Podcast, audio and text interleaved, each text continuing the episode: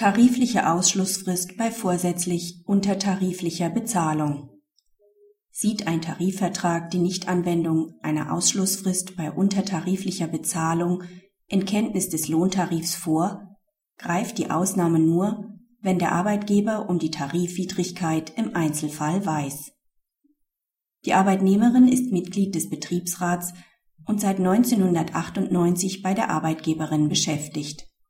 Auf das Arbeitsverhältnis ist der Manteltarifvertrag für den Einzelhandel im Bundesland Brandenburg anzuwenden. Im Paragraph 18 Manteltarifvertrag sind Ausschlussfristen von drei Monaten für Ansprüche auf Zahlung oder Rückzahlung von Gehalt oder Lohn geregelt. Ausgenommen sind Fälle vorsätzlicher untertariflicher Bezahlung. Diese soll vorliegen, wenn ein Arbeitgeber in Kenntnis des Gehalts und Lohntarifs unter Tarif bezahlt wird. Daneben regelt der Manteltarifvertrag eine Vergütung für Mehrarbeit. Die Arbeitnehmerin macht nach Ablauf der Ausschlussfrist Ansprüche auf Mehrarbeitszuschläge aufgrund ihrer Betriebsratstätigkeit geltend. Das Arbeitsgericht hat der Klage nur teilweise stattgegeben, das Landesarbeitsgericht hat die Klage vollumfänglich abgewiesen. Das BAG weist die Revision der Arbeitnehmerin zurück. Die Ansprüche auf Mehrarbeitszuschläge sind nach 18 Manteltarifvertrag verfallen. 18 Manteltarifvertrag umfasst mit Ansprüchen auf Zahlung von Gehalt oder Lohn auch eine Vergütung für Mehrarbeit aus dem Manteltarifvertrag selbst. Das ergibt sich schon aus dem allgemeinen Sprachgebrauch.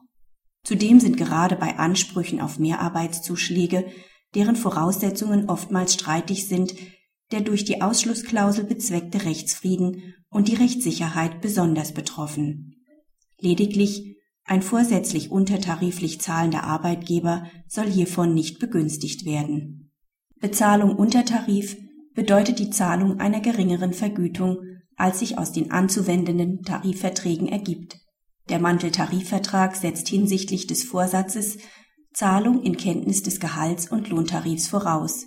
Kenntnis bezieht sich jedoch nicht auf die abstrakte Tarifnorm. Diese lege praktisch immer vor. Entscheidend ist vielmehr Kenntnis des jeweiligen tariflichen Anspruchs, also das Wissen um die Tarifwidrigkeit der Bezahlung im konkreten Fall. Dem Arbeitnehmer obliegt dabei die abgestufte Beweislast dafür, dass die Ausschlussklausel keine Anwendung findet.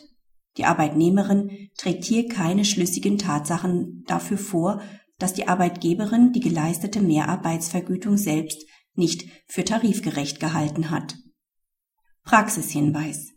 Sieht ein Tarifvertrag eine Ausnahme von einer Ausschlussklausel bei vorsätzlich untertariflicher Bezahlung vor, muss dies der Arbeitnehmer im Streitfall beweisen.